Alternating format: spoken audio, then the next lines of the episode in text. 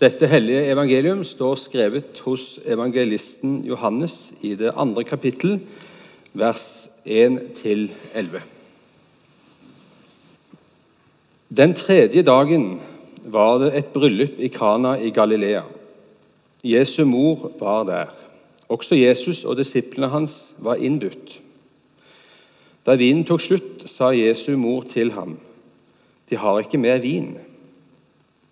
'Kvinne, hva vil du meg?' sa Jesus. 'Min time er ennå ikke kommet.'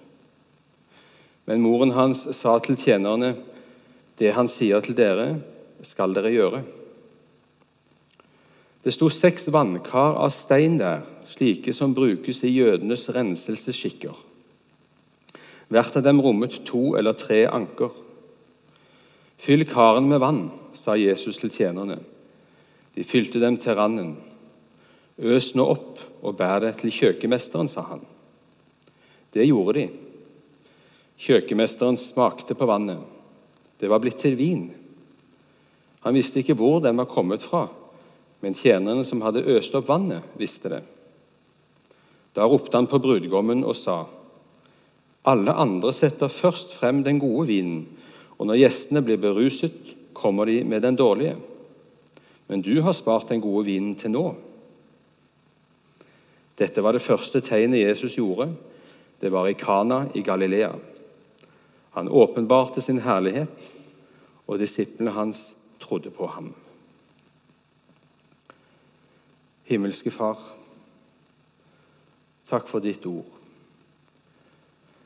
Velsign det jeg nå skal si. Må du åpne våre hjerter, og la oss høre det du vil tale til oss. Vær hos hver enkelt. Takk for at du er her nå, barmhjertige Gud. I Jesu navn. Amen. Noen dager i forveien av dette bryllupet vi nettopp hørte om i Kana, så hadde Jesus møtt sine første disipler, bl.a. Natanael. Og Natanael hadde blitt slått av undring da Jesus sa han hadde sett han sitte uten, under fikentreet uten at Jesus var der. Og Det førte jo til at Natanael umiddelbart skjønte hvem Jesus var, og sa, 'Du er Guds sønn, du er Israels konge'. Og Da svarte jo Jesus, 'Tror du fordi jeg så deg under fikentreet?' 'Du skal få se større ting.'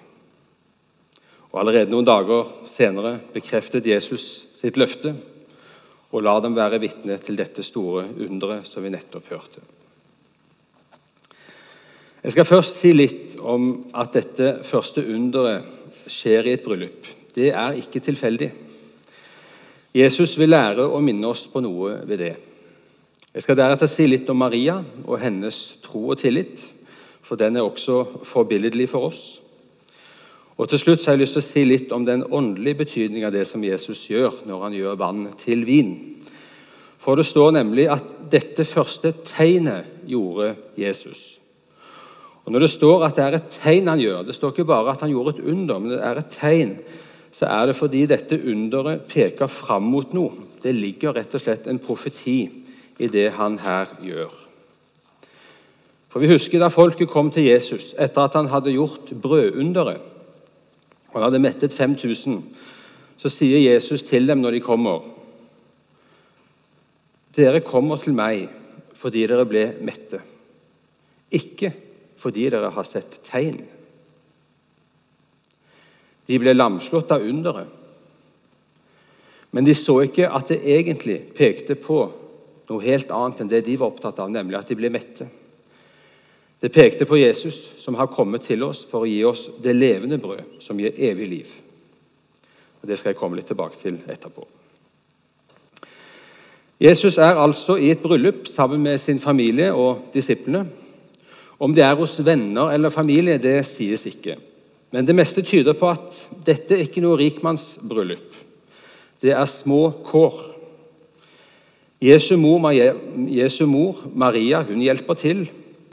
Og når man går tom for vin, så vitner det om at her er man ikke hos mennesker som er rike, og som lever i overflod. Det er trange kår. Og Vi ser det som går igjen i hele Jesu virke. Han går blant de fattige. Og det er blant dem han står fram og viser hvem han er i ord og handling. Han går ikke til slottet blant de høye og fornemme og viser sin makt og herlighet. Det hørte vi også på julaften. Det var de fattigste, gjeterne, som først fikk høre budskapet. Jesus sier i bergprekenen salige er de som er fattige i ånden. Salige er de som hungrer og tørster etter rettferdighet. Og salige er de som sørger, for de skal trøstes. Det er dem Jesus kommer til. De som tørster etter Guds rettferdighet og ser at de ikke klarer det selv fordi de er fattige i ånden. De kommer Jesus til. Det er de syke som trenger å helbredes, sier Jesus.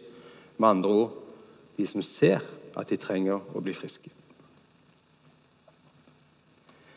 Dette første underet skjer altså i et bryllup. og Det er ikke en tilfeldighet. For det var i hjemmet til Adam og Eva at djevelen brøt seg inn og brakte synden inn i verden. Men vi vet jo også hva Gud sa til djevelen samme dag han hadde fristet dem til fall. Jeg skal sette fiendskap mellom deg og kvinnen, mellom din ett og kvinnens ett. Den skal knuse ditt hode, men du skal hogge den i hælen. Nå er den tiden kommet. Djevelen som ødela vårt forhold til Gud og brøt seg inn i hjemmet til Adam og Eva, han skal nå knuses. Jesus står frem og gjør sitt første tegn i et hjem som akkurat er stiftet. Et bryllup markerer starten på et nytt liv mellom to mennesker, der de to blir ett. For det står i skapelsesberetningen at derfor skal mannen forlate sin far og sin mor og holde seg til sin hustru, og de to skal være én kropp. Og Da skjønner vi at dette første tegnet han gjør i et bryllup, det er ikke tilfeldig. For det markerer starten på der han skal gjenopprette vårt forhold til Gud. Ja, han skal gjenopprette vårt gudsbilde. For det står jo i, som vi hørte i dag, Gud skapte mennesket i sitt bilde. I Guds bilde skapte han det. Som mann og kvinne skapte han dem. Både mann og kvinne er skapt i Guds bilde. Og Da begynner han der det er naturlig at både mann og kvinne er i hjemmet. Vårt gudsbilde gikk tapt ved syndefallet. Da mistet vi det vi hadde fått for å leve sammen med Gud. Vi ble blinde, vi ble døve, vi ble lamme, og vi ble dødelig syke pga. vår synd. Men ved troen på Jesus så blir vi altså født på ny. Vi får et nytt hjerte, så vi igjen kan kjenne Gud, høre Gud, se Gud, forstå Gud, og ikke minst ville leve med Gud. Kle dere i det nye mennesket som er skapt i Guds bilde, til et liv i sann rettferd og hellighet, sier Paulus i Efeserne 4. Vi skal kle oss i det nye gudsbildet som Gud har gitt oss, som vi ikke kan se nå. Vi ser det ikke ennå. Vi vandrer i tro uten å se, sier Paulus. Vårt liv er skjult i Kristus, sier han i Galaterne 2. Det nye gudsbildet lever i oss, og det vokser når vi lever med Jesus. Men det er først når han kommer igjen, at det skal åpenbares, det vi er. Vi ser det ikke nå, men når Han kommer, da åpenbares det, og da blir vi lik Kristus. Når Jesus står fram og gjør sitt første tegn og under i et bryllup, så forteller det også oss hvor viktig ekteskapet er i hans øyne. Og ikke minst hvor viktig det er å ha med seg Jesus i ekteskapet. For det er bare han som kan gi oss det vi trenger og mangler. Det å leve sammen i et ekteskap er en stor velsignelse og gave fra Gud. Det er Gud som har sammenføyet de to, og det er en hellig og uoppløselig pakt. Til mann og kvinne skapte han den, sier Jesus. De to skal være ett. Og det som Gud har sammenføyd, skal ikke mennesker skille. Men så vet de av oss som lever i et ekteskap, at selv om det er en stor velsignelse så er det også store utfordringer. og dager som kan være tunge. Ja, onde kan de faktisk være. Jesus har lært oss at vi skal elske hverandre slik han har elsket oss. Det kan være vanskelig når det har gått en del år, og vi har blitt innhentet av hverdagen. Men Jesus minner oss i dag på at han vil hjelpe oss der vi opplever mangler, motgang, der vi går tomme, der vi ikke ser noen løsning. Der kommer Jesus oss til unnsetning. Han hjelper, og han velsigner oss. Han vender det gode, det onde, til det gode.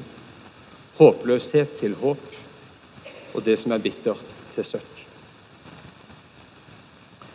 Gud har omsorg for oss. Han vil velsigne og lege alle våre sår, vår smerte og nød. Ikke en eneste av hans barn er overlatt til seg selv. Han har gitt sin ånd som bor i enhver av oss. Og han trøster, oppmuntrer og styrker oss. Ja, det står han går i forbønn for oss hver dag med usigelige sukk, sier Paulus i Roman 8.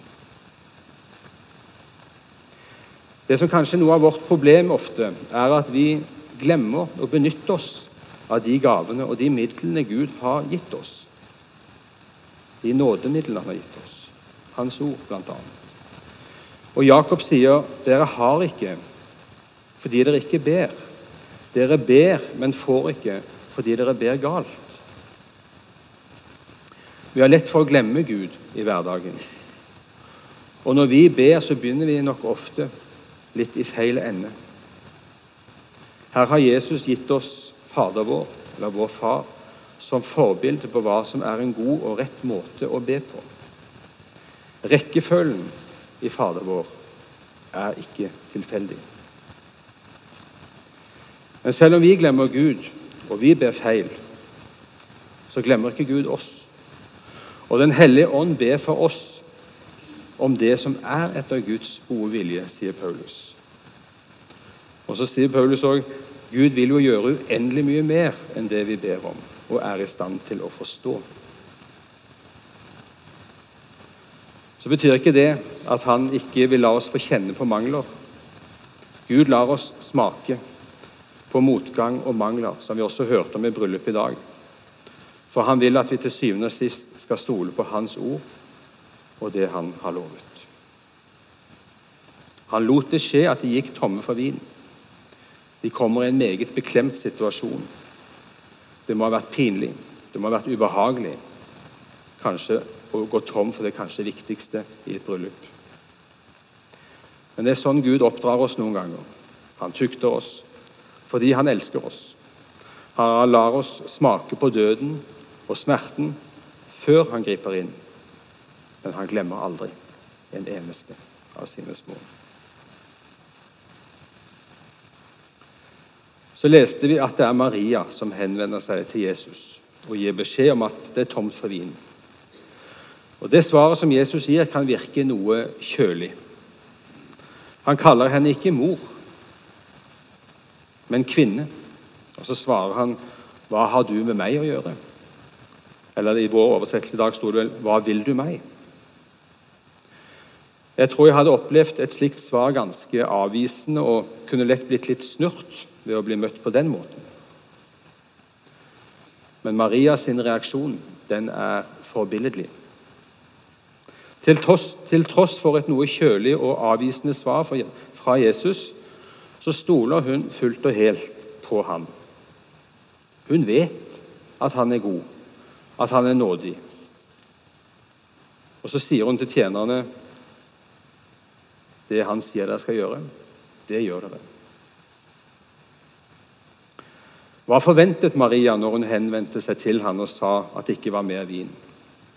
Hun hadde jo ikke ennå sett han gjøre noen under. Ut fra det svaret Jesus gir, så virker det jo som at hun nå forventer at han skal gjøre et tegn og hjelpe i denne situasjonen. Og Man kan nesten få litt inntrykk av at hun i kraft av å være hans mor pusher litt på ham. Er det hennes utålmodighet vi merker? Det var over 30 år siden engelen kom til henne og sa at hun skulle føde en sønn som skulle være stor og kalles den høyeste sønn, og Herren skal gi ham hans far Davids trone. Nå skulle han stå fram og vise hvem han virkelig var. Hun hadde hørt gjeternes ord om han og gjemt dem i sitt hjerte, leste vi i julen. Hun husket Jesus da han som tolvåring sa, 'Hvorfor leter dere etter meg? Visste dere ikke at jeg var i min fars hus?' Også de ordene hadde hun gjemt på i sitt hjerte, står det.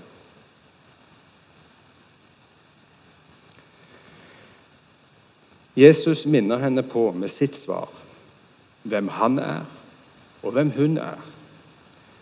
Hun er utvalgt av Gud til å bære Jesus fram i verden, men hun står ikke i noen særstilling i forhold til noen andre. Hennes oppgave var intet annet enn Guds nåde. Hun er en kvinne på lik linje med alle andre kvinner, og Jesus er hennes herre. Hun er ikke gitt å blande seg inn i når hans time er kommet, for når han skal stå frem. Og Det ligger jo litt for oss mennesker å gjerne ville gjøre det. Skal ikke du snart markere noe, Gud? Skal ikke du snart vise noe av din storhet, så vi får, kan tro og kan se hvem du virkelig er? Vi har lett for å blande oss i Guds styre. Jesus opptrer tilsynelatende avvisende, og det kan virke som han ikke bryr seg. Og slik kan Gud oppleves. Hvem av oss har ikke hørt om, eller kanskje selv også opplevd, at Gud både kan virke fjern og avvisende? Han svarer ikke slik som vi gjerne vil at han skal svare og møte oss. Og Da har vi lett for å tenke at han ikke bryr seg eller hører. Det er tilsynelatende slik Jesus opptrer. Men Maria lærer oss noe viktig. For hun lar troen komme foran sine egne følelser. Maria vet bedre. Hun vet at Jesus har omsorg, uansett om svaret tilsynelatende er avvisende. Så stoler hun fullt og helt på ham. Maria lar tilliten og troen på Jesus være det som styrer, ikke hennes følelser. Og Det skal også vi gjøre. Gud har omsorg for oss, vi er hans barn. Men han oppdrar oss alltid. Han syr ikke puter under armene på oss, men vil at vi skal stole på ham, uansett hva som skjer. Så skal vi legge merke til en liten ting til som Maria gjør, som er forbilledlig. Hun legger fram sin nød for Jesus og manglene men hun sier ikke hva Jesus skal gjøre. Hun legger fram sin nød, de er tomme for vin, men overlater til han å løse det, og hvordan han skal løse det. I det ligger det tillit til at Jesus vet best. Som hun sa til tjenerne, gjør det som han sier. Det siste jeg sa jeg skulle si litt om, var den åndelige betydningen at han gjør vann til vin. For det han gjør, er et tegn, og det har et profetisk budskap. Vi leste fra åpenbaringen nå i stad, og der hørte vi at Jesus sier, 'Se, jeg gjør alle ting nye'. Det som i dag skjer, markerer starten på at alt skal bli nytt. Som sagt, Bryllupsfesten er starten på et nytt liv mellom to mennesker. I denne rammen er det Jesus står fram og gjør sitt første tegn. Han gjør vann til vin. Og Det vitner ikke bare om hans makt, men det peker også fram mot korset. Vannet ble brukt til renselse, og disse karene som sto framme, var en del av loven og de ordninger som jødene fulgte.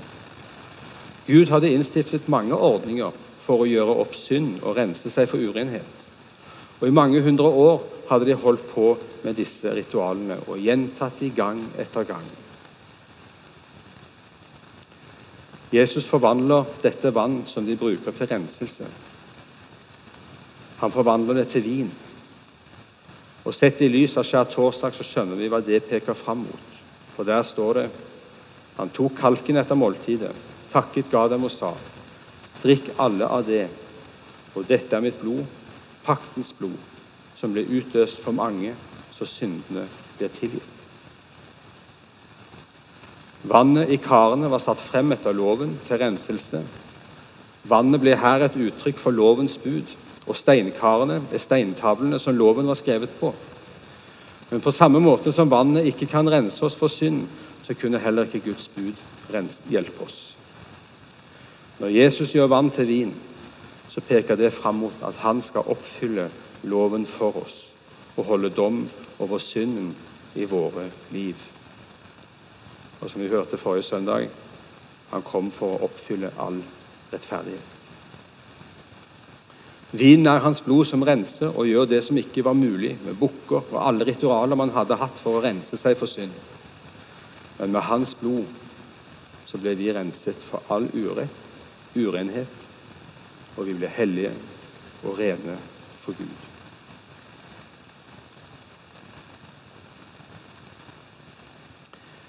Det står at dette var det første tegnet Jesus gjorde. Tegnet på hva da? Jo, det viser oss hvem Jesus er, og det sier også noe om hvorfor han er kommet. Det er en innholdsrik historie, denne historien om bryllupet. Og det er en underfull historie. Men Jesus åpenbarer sin herlighet om hvem han er, hvilken makt han har. Og det er også et fremtidshåp i det som her skjer. Og hvis du La merke til hva kjøkkenmesteren sa til brudgommen. Han sa, 'Du har spart den beste vinen til slutt.' Ja, slik er det også for oss. Vi har det beste igjen. Gud har spart det beste til den dagen vi skal se Han og være sammen i all evighet. Ære være Faderen og Sønnen og Den hellige ånd, som var og er og blir en sann Gud fra evighet til evighet. Amen.